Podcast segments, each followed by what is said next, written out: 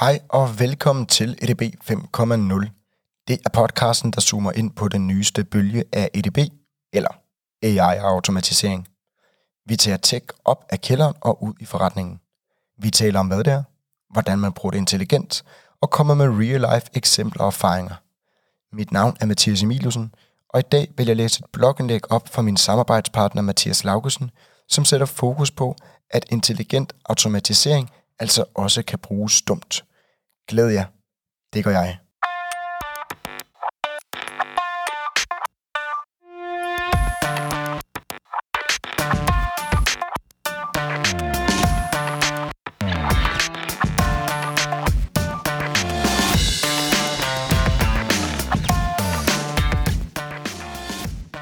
Intelligent automatisering kan bruges dumt.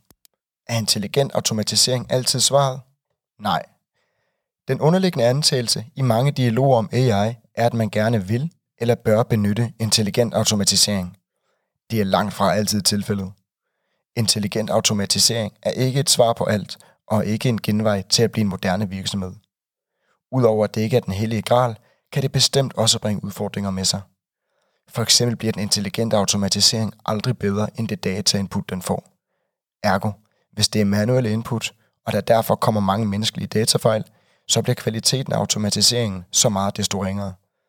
Derfor vil det ofte være at foretrække at have statisk, regelbaseret automatisering. For eksempel, hvis A, så gør X, hvis B, så gør Y. Det er en god idé at være compliant med proces- eller datakrav. Der kan også være tilfælde, hvor algoritmen får en forudindtagethed, som er i modstrid med menneskelige værdier. Eksempelvis var det derfor, at IBM stoppede med deres ansigtsgenkendelse. Før man går i gang med at implementere machine learning og forhåbentlig dataprojekt, bør man stille sig selv følgende spørgsmål i denne rækkefølge. Skal processen overhovedet være der?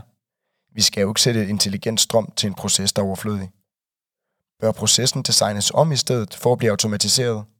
Så undgår man at eksekvere et ligegyldigt step hurtigere med færre ressourcer.